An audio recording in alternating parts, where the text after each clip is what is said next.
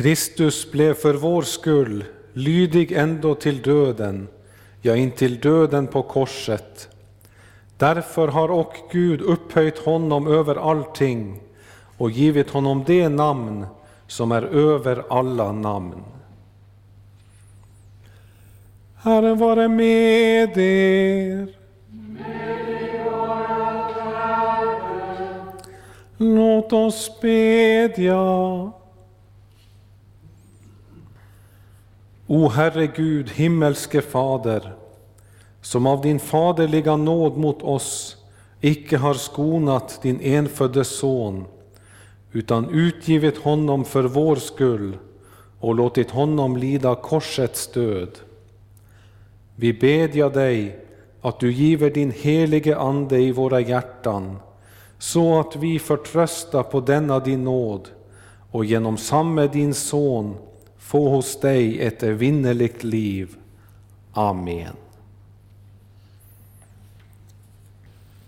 Upplyft era hjärtan till Gud och hör dagens heliga evangelium. Så skriver evangelisten Markus i det fjortonde kapitel från vers 53. Det förde Jesus till översteprästen och där samlades alla översteprästerna och de äldste och de skriftlärda.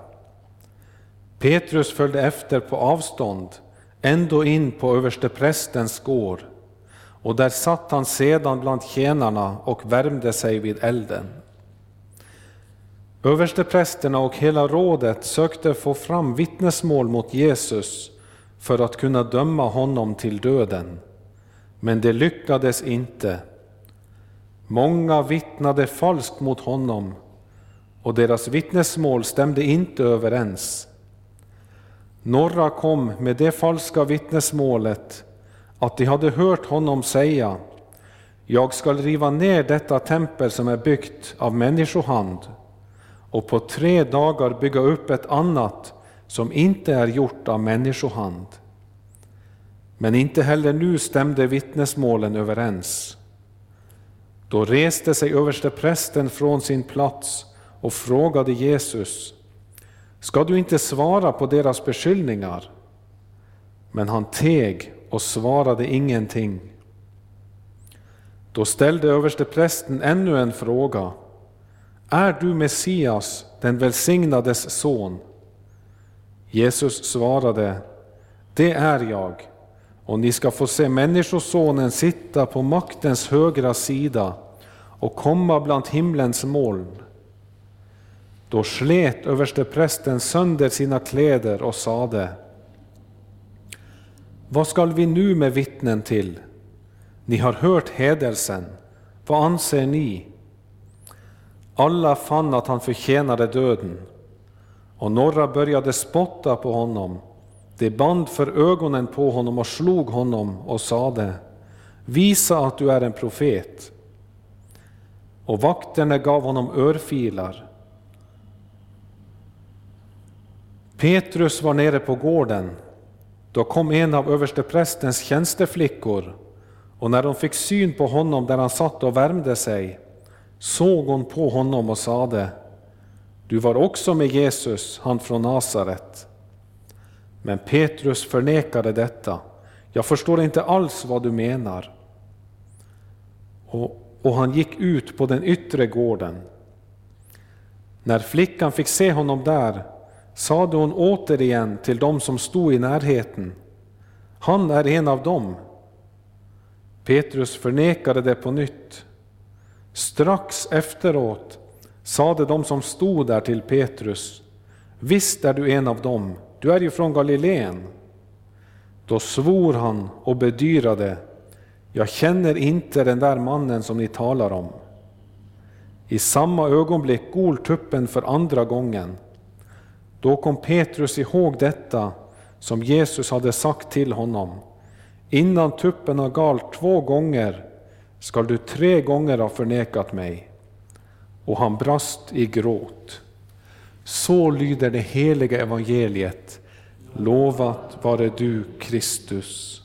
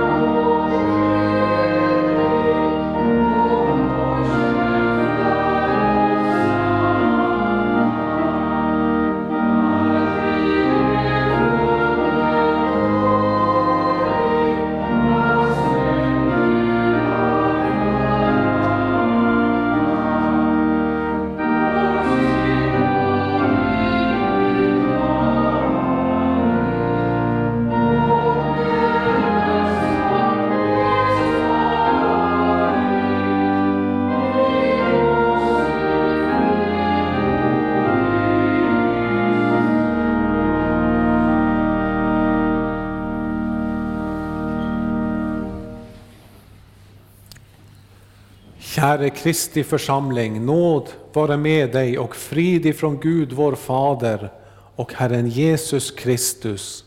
Amen. Låt oss bedja. Allsmäktige himmelske Fader, du som sände din son för att upprätta den djupt, den djupast fallna syndaren.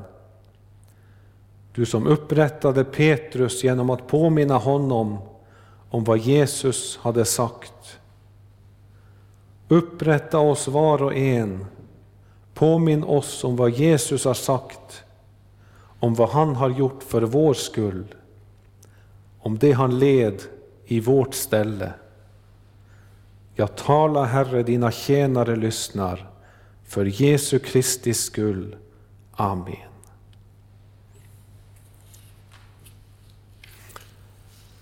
I dagens text så får vi höra hur Jesus, efter att ha blivit förrått av Judas, förs som fånga till Stora rådet, där de översta religiösa ledarna snabbt ställde i ordning en rättegång. Det som lyser ur hela texten är falskhet, feghet, svek och synd. Det är en mörk bild som målas. De som skulle ha varit herdar för Guds Israels folk, de framstår som skurkar. Han som skulle ha varit Herrens modigaste och främste lärjunge och apostel, han sviker, förbannar och besvärjer. Även folket kring elden och tjänsteflickan bekänner färg mot Jesus genom att, be, genom att bekänna att, och hävda att Petrus är på sida med den där nasarén Jesus till skillnad från dem själva. Jesus, världens ljus, står här omringat av ett tjockt mörker. Men han gör det frivilligt. Det var därför han kom till jorden som människa. Allt djävulsk som föregår här förändrar inte på den saken utan Jesus lyser upp på en mörk plats och uppenbarar det onda när han fullbordar den allsmäktige Gudens suveräna frälsningsplan. Och vi ska i dagens passionspredikan vandra genom texten och stanna upp lite för de olika händelserna. Texten börjar alltså med att de religiösa ledarna i Israel samlades mitt i natten för att hålla en rättegång mot Jesus. Denna rättegång var hastigt sammankallad, men ändå samlades hela det stora rådet. De var alla samlade och överens och de var alla falska. Och detta vittnar om hur stor och samlat motstånden emot Jesus var. Och det finns mycket som vi kan säga kring ramarna runt den här rättegången. Det var många olika regler som skulle följats, men som här blev förbigått i deras hat och hast för att få fält deras fiende. Till exempel fanns det ingen anklaga som Jesus kunde försvara sig emot. Utan mitt i natten så fick han stå där och svara för det som många falska vittnen under tiden kom upp med. Det stora rådet sökte inte vittnen för att finna ut om Jesus var skyldig, utan de hade redan bestämt sig för att han skulle dömas till döden. Men deras orsaker för att döma Jesus var inte giltiga. Och därför fick de försöka hitta något som kunde ge sken av en giltig åklagare. Men vittnesmålen stämde inte överens. Bara denna sak borde ha kallat dem att ompröva sin syn på Jesus och att djupgående omvända sig. Men det gör de inte, utan de fortsätter att köra på med denna falska tillställning. Men de kommer ingen vart. För dessa falska vittnemål stämde alltså inte överens. Sanningen däremot stämmer överens med sig själv. Därför kan flera olika, var för sig, säga sanningen och bilden blir densamma. Tänk bara på evangelisterna. De är olika människor som berättar om Jesu liv och verk. De gör det på olika sätt, men bilden är densamma. För den stämmer överens med sanningen. Och så är det med hela Bibeln. Den ger en fullständig bild och berättelse, även om den är nedskriven över flera tusen år av många olika författare, mänskligt sett. Bilden den ger av Jesus utvecklas så att det blir klarare och klarare. Och det läggs till olika bitar som målar en tydlig, klar, sann och frälsande helhetsbild av vår Herre. Men så är det inte med lögnen. Där kan inte flera var för sig ljuga utan att lögnen faller isär.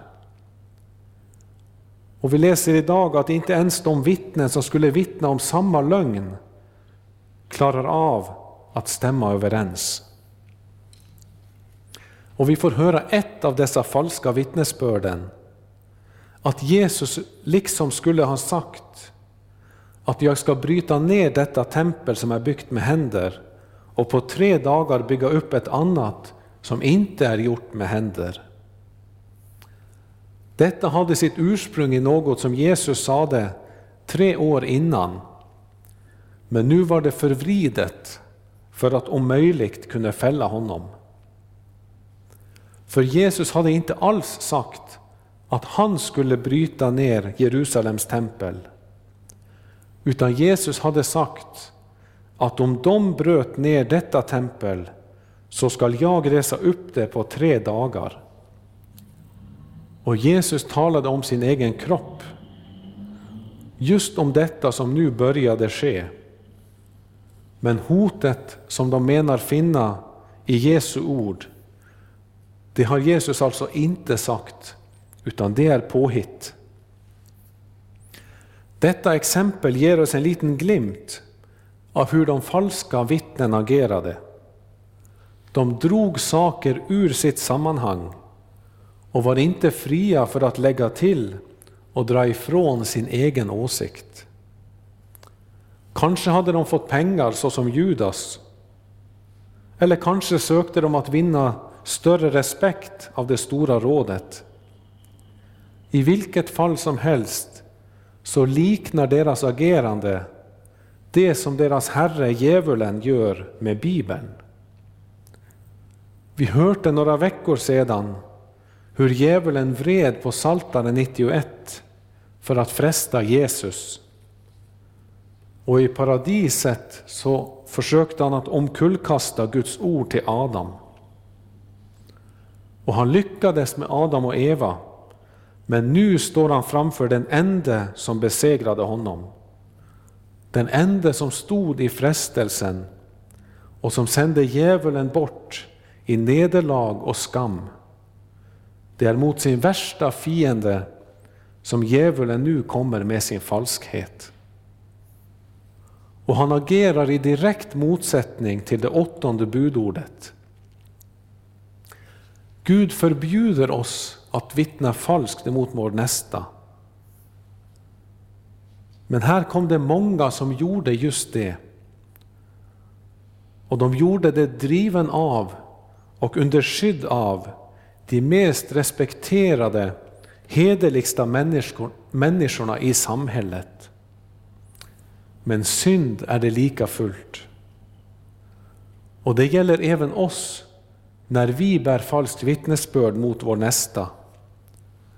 Det hjälper inte om vi har en god avsikt för att göra det. Det hjälper inte heller om det är vår fiende vi vittnar emot. Nej, inte heller om vi tror att resultatet kommer att bli gott. Utan Gud har förbjudit det utan undantag. För det är inte människor som bestämmer vad som ska ske med Jesus, utan det var bestämt från evighet av i Guds eget rådslut. Det enda dessa vinner genom falskheten är att samla glödande kull, kol på sina huvuden. Genom att fälla domen över Jesus drar de domen över sig själva. Men som sagt, de kom ingen vart. Och det verkar som de började inse att de nog får släppa Jesus fri och försöka fånga honom på något annat sätt. Men då är det att självaste översteprästen rusar upp och med falskt raseri låtsas han som att det var sanning, ja mycket sanning i dessa falska vittnesbörd. Och han liksom förvånar sig över att Jesus inte försvarar sig. Men Jesus teg och svarade inte. Detta var det enda rätta svaret, tystnad. Jesus kastade inte bort sina ord på denna falskhet. För Jesus visste nog att översteprästen bara ville hitta något i hans ord som han kunde feltolka. Ja, Jesus teg och svarade inte. Och här får vi se hur den frälsande bild av Jesus som Bibeln målar för oss blir än klarare och nådefullare. För här får vi se det som Jesaja talade om. Jesaja skrev att vi gick alla vilse som får, var och en gick sin egen väg, men all vår skuld lade Herren på honom. Han blev misshandlad, men han ödmjukade sig och öppnade inte sin mun lik ett lamm som förs bort för att slaktas, lik ett får som är tyst inför dem som klipper det. Så öppnade han inte sin mun. Jesus kunde ha öppnat sin mun och tillbakadrivit de falska anklagelserna, så som han hade gjort så många gånger innan och som gjorde att dessa falska judar förbittrades på honom och just ville döda honom. Men Jesus bar här all världens skuld på sig själv. Alla våra falska ord, alla våra svek, ja allt det onda som vi någonsin har gjort emot Gud och vår nästa. Allt ligger på Herrens axlar som en tung börda. Det var därför han inte öppnade sin mun. För Jesus står här, inte därför att Stora rådet ville det, utan han står här och ser fram emot domen, därför att alla hans vänner ska kunna se fram emot frikännande på Herrens stora dag. En dog i mångas ställe, därför får vi som är i Kristus gå fri.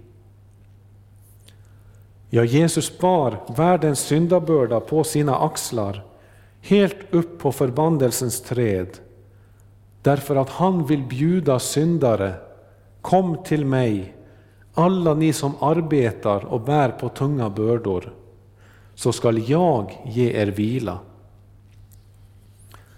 Vi som förtjänade misshandel och att slaktas, vi slipper det därför att Herren Jesus i vårt ställe tog vårt straff. Detta var Guds vilja, därför var Jesus tyst. Översteprästens försök på att lura Jesus felade totalt, så som fariséerna och de skriftlärda så ofta också gjorde det. Nu var det inget hopp mera. Alla i Stora rådet hörde nog tystnaden långt in i sina hjärtan. De insåg att det var lönlöst och de borde därför fråga sig, vad håller vi på med? Men översteprästen frågar i sitt sista krampdrag, är du Messias, den välsignades son? Och då är det att Jesus ger sin tydliga bekännelse. Det var alltså ingen av de falska vittnesbörden som fällde Jesus. Utan det som slutligen fällde honom, det var sanningen. Det var motståndet mot frälsningens sanning. Att Jesus är Gud, kommen i kött. Det var det som fällde honom. Och Jesus använder här det gudomliga namnet om sig själv och säger att de ska få se Människosonen sitta på maktens högra sida och komma bland himlens moln.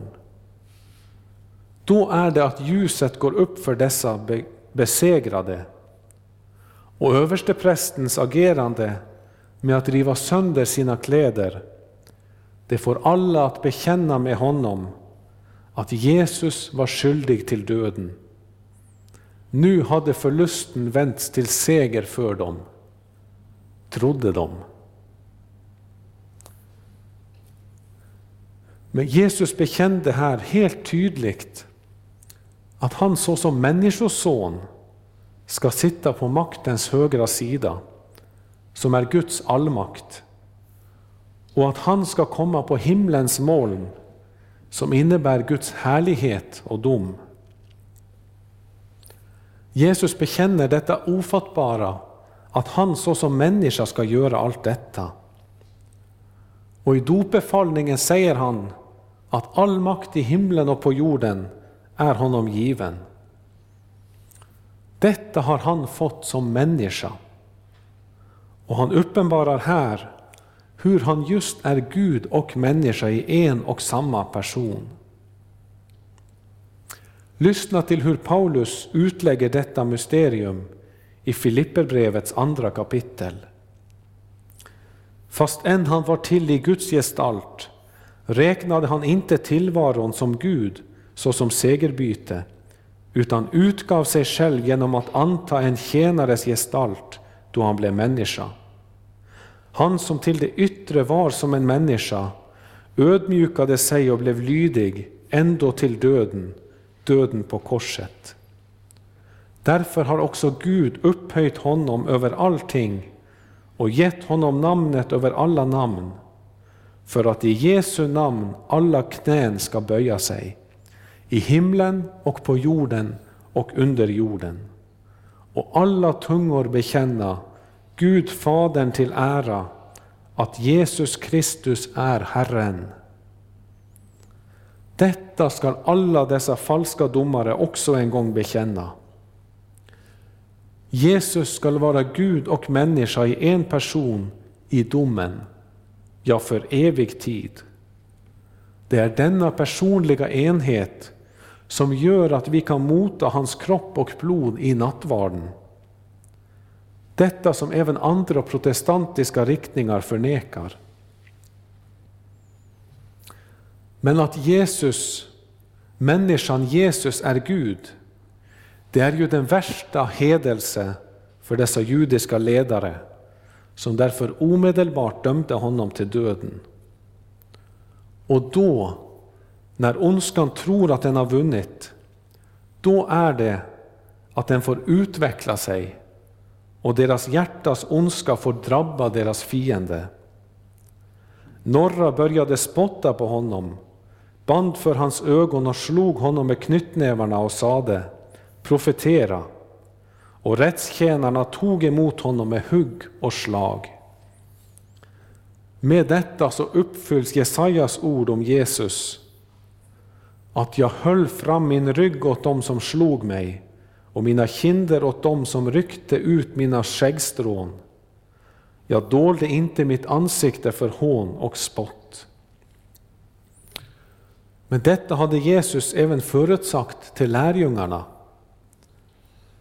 Se, vi går upp till Jerusalem och Människosonen kommer att överlämnas till översteprästerna och de skriftlärda som ska döma honom till döden och utlämna honom åt hedningarna. Dessa ska håna honom, spotta på honom och gissla och döda honom. Men efter tre dagar skall han uppstå. Ja, Jesus är förberett även på det som ska komma, för detta är inte slutet. Men vi ser här att frukten av att ondskan får sin vilja igenom, det är enbart mera ondska. Helt tills ondskan har förstört sig själv. För detta som de trodde var deras största seger, det var samtidigt deras största nederlag. Deras så kallade seger blev i verkligheten en triumf för gudamänniskan Jesus Kristus på korset. Och det blev till alla troendes största seger. För det var vår seger som Jesus här vann. Hans dödsdom blev vårt frikännande. Därför ligger dessa som dömde honom idag och ångrar bittert i helvetet. Om de inte före sin död fick omvända sig till den Herre de hade korsfäst. Ja, det är hemska scener som utspelar sig i dagens evangelium. Men sen går evangelisten över till att berätta om hur Petrus hade det ute i förgården utanför. Och lika hemskt som det föregående har varit, lika sorgligt är det vi ser hos Herrens egen apostel.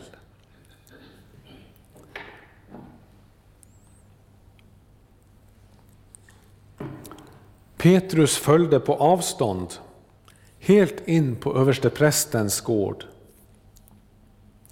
Han flydde med de andra lärjungarna när Jesus blev tillfångataget. Men samtidigt måtte han finna ut vad som hände med hans Herre. Därför satt han utanför och lyssnade. Detta vågade ingen av de andra lärjungarna, bortsett från Johannes. Så det är till Petri heder att han vågade komma hit. Han utstod kyla och fruktan för tillfångatagning. Han hade ju slagit av Malkuses öra. Och om några av soldaterna hade kommit på honom och sett honom så hade det nog gått honom illa. Men allt detta trotsade han av kärlek till Jesus. Men det som berättas vidare, det är inte hedervärt.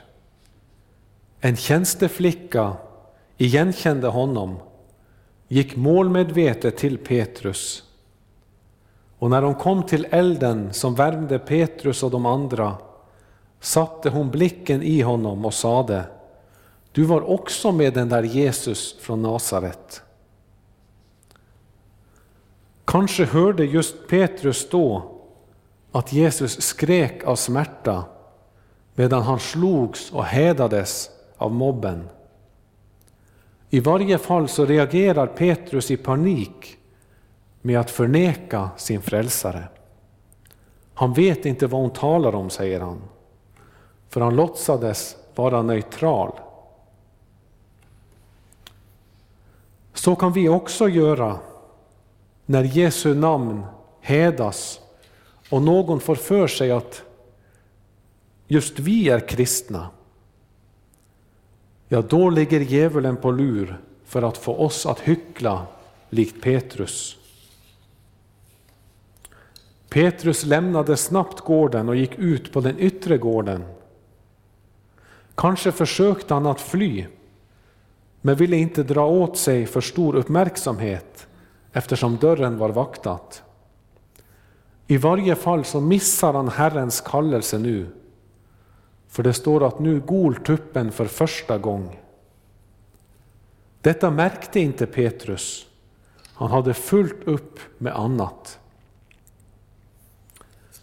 Tänk om Petrus hade kommit ihåg Herrens ord om hans förnekelse och sina egna stora ord om att aldrig förneka Herren.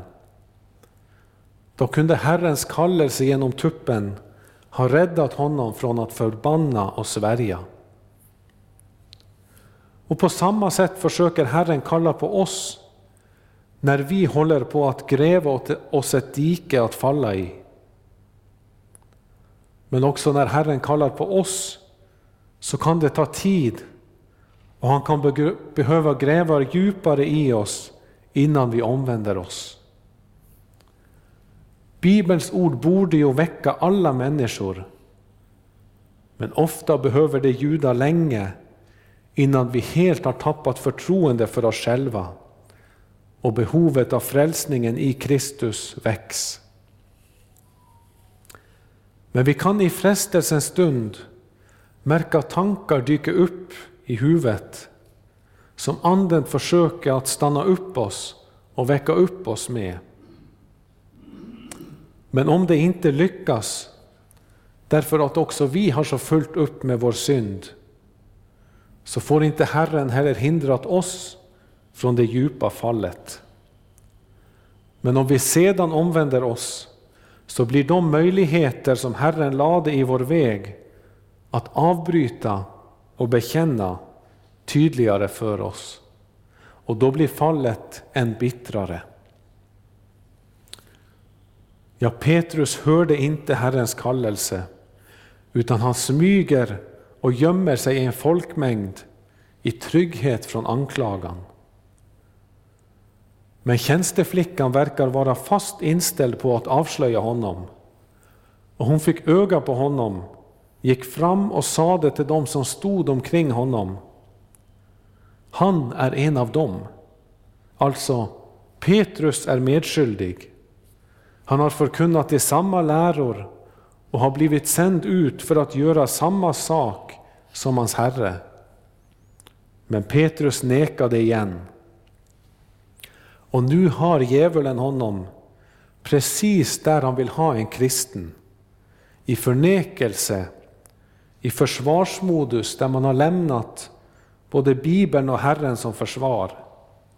Där man är i panik och inte riktigt klarar av att samla sina tankar kring vad man äger i Kristus. Och då kör djävulen på. Nu får inte Petrus möjligheten att dra sig undan och fundera, att be Gud om hjälp och förlåtelse. Utan djävulen pressar sig på och det står att strax därefter sa en av dem som stod där att han måste vara en av dem, för han är ju Galilé. Nu blev flera klar över situationen och nu handlar Petrus i full panik. Han förbannar sig och svärjer på att lögnen är sanning.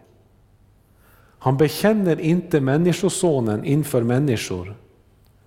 Och varningen om att Människosonen inte heller ska bekänna honom inför sin fader ligger farligt nära. Petrus förnekar här det som är hans enda hopp om frälsning. Och han är farligt nära den synd som det inte finns förlåtelse för. Detta gör han med besvärjelser och förbannelser som låter som något som satanister håller på med. Detta gjorde Herrens egen apostel. Han drar ondska och olycka över sig själv om han skulle vara den som de anklagar honom för att vara. Och han klarar inte av att säga Jesus namnet medan han gör det, utan Jesus, världens frälsare, han som nu slås, hädas och pinas för Petris skull. Han blir av Petrus kallat den där mannen som ni talar om. Strax därefter gol tuppen för andra gången. Herren lät honom inte få mer tid att smäda sin herre, utan nu blev Petrus påmind om Jesu varning och han tog det till hjärtat och grät. Han insåg vad han hade gjort och ångrade. Judas grät också och ångrade sig. Men Judas försökte göra upp för sin synd genom egna förbättringar. Genom att själv gå till judarna och ge tillbaka blodpengarna. Det slutade i förtappelse därför att hans egna gärningar inte kunde gottgöra den minsta synd. Hade Judas kommit till frälsaren kunde han hittat hjälp, men det gjorde han inte.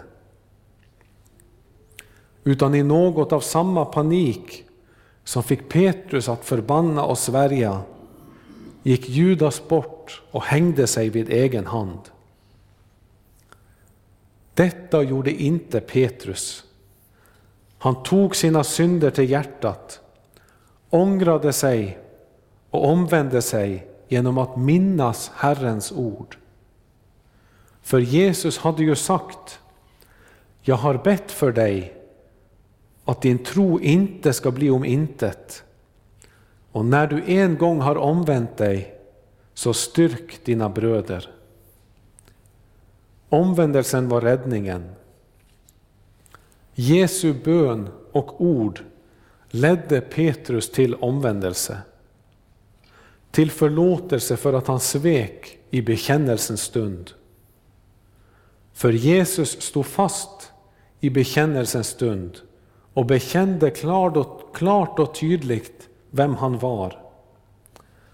Detta ledde till att Jesus fick ge sitt liv, det som var Petri rätta straff. Men Jesus stod i anklagelsens stund just för Petris skull, just för syndares skull. Jesus led i syndares ställe. Han prövades i allt liksom vi, dock utan synd. Han var syndfri där vi syndare. Han led där vi förtjänade att lida. Och nu var han på väg mot korset för att fullborda sin seger för oss. Sin frälsning som inte var för hans egen skull, utan för vår skull. Detta fick Petrus vända om till och detsamma får vi vända oss till och förtrösta på att detta räcker även för våra svåra synder. Vi har alltså sett hur Jesu närmaste apostel och vän svek och föll och hur Jesus själv stod fast och segrade. Det ska vi komma ihåg när vi likt Petrus frestas och plågas och anklagas för att vi är kristna, för att vi har syndat, för att vi inte har gjort det som vi skulle ha gjort. När vi fruktar och inte har något att ställa upp med, då ska vi komma ihåg att Jesus har segrat för oss. Hans seger är vår seger. Genom att likt Petrus minnas Herrens ord skall även vi bli hjälpt när vi just behöver hjälpen. Och det gäller även om det skulle gå så långt att vi likt Petrus faller längre och längre ner i diket. Räddningen finns där även för oss. För Herren vill upprätta oss och kom ihåg, det är till den lägst fallna syndaren som ängeln vid graven sänder bud. Men gå och säg till hans lärjungar och särskilt till Petrus. Han skall gå före er till Galileen och där ska ni få se honom så som han har sagt er. För Herren vet att det är den som har fallit lägst som behöver mest tröst. Lovat vare Gud och välsignad i evighet, som med sitt ord tröstar, lär, förmanar och varnar oss. Helige Ande, skriv ordet i våra hjärtan, så att vi inte blir glömska hörare, utan varje dag växer till i tro, hopp, kärlek och tålamod intill tidens slut och blir evigt saliga genom Jesus Kristus vår Herre. Amen. Så sjunger vi på 449, verserna 4 till 6.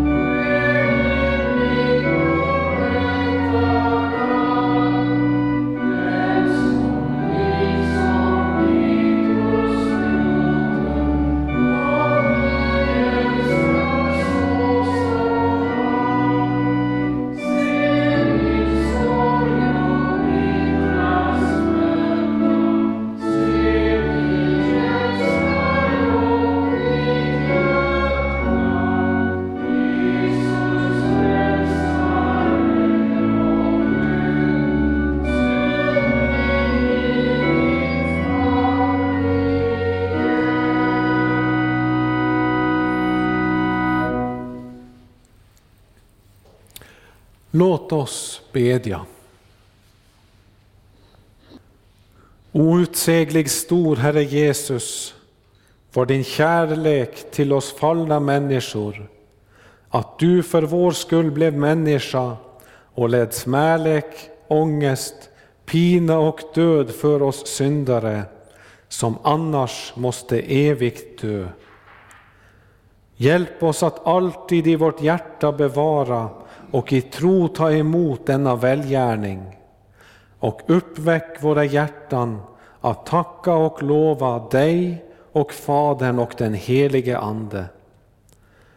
Hjälp oss att alltid leva ett kristet liv och i all nöd och motgång trösta oss med att du är vår frälsare som har förlossat oss från dödens och djävulens våld och som slutligen skall ta oss från denna mödosamma värld till dig i himmelen, där vi för evigt ska prisa och lova dig.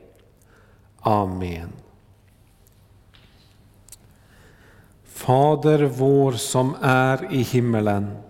Helgat var det ditt namn. Tillkomme ditt rike.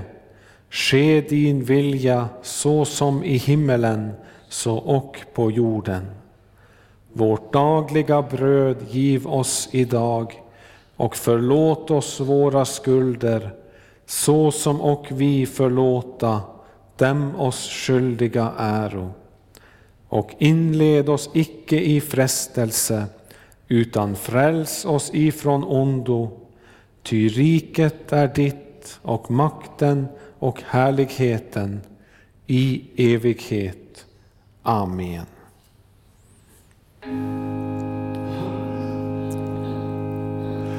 Böj nedra hjärtan till Gud och mottagen välsignelsen. Herren välsigne heder och bevare heder Herren låte sitt ansikte lysa över eder och vara eder nådig. Herren vände sitt ansikte till eder och give eder frid. I Guds Faderns och Sonens och den helige Andes namn. Amen.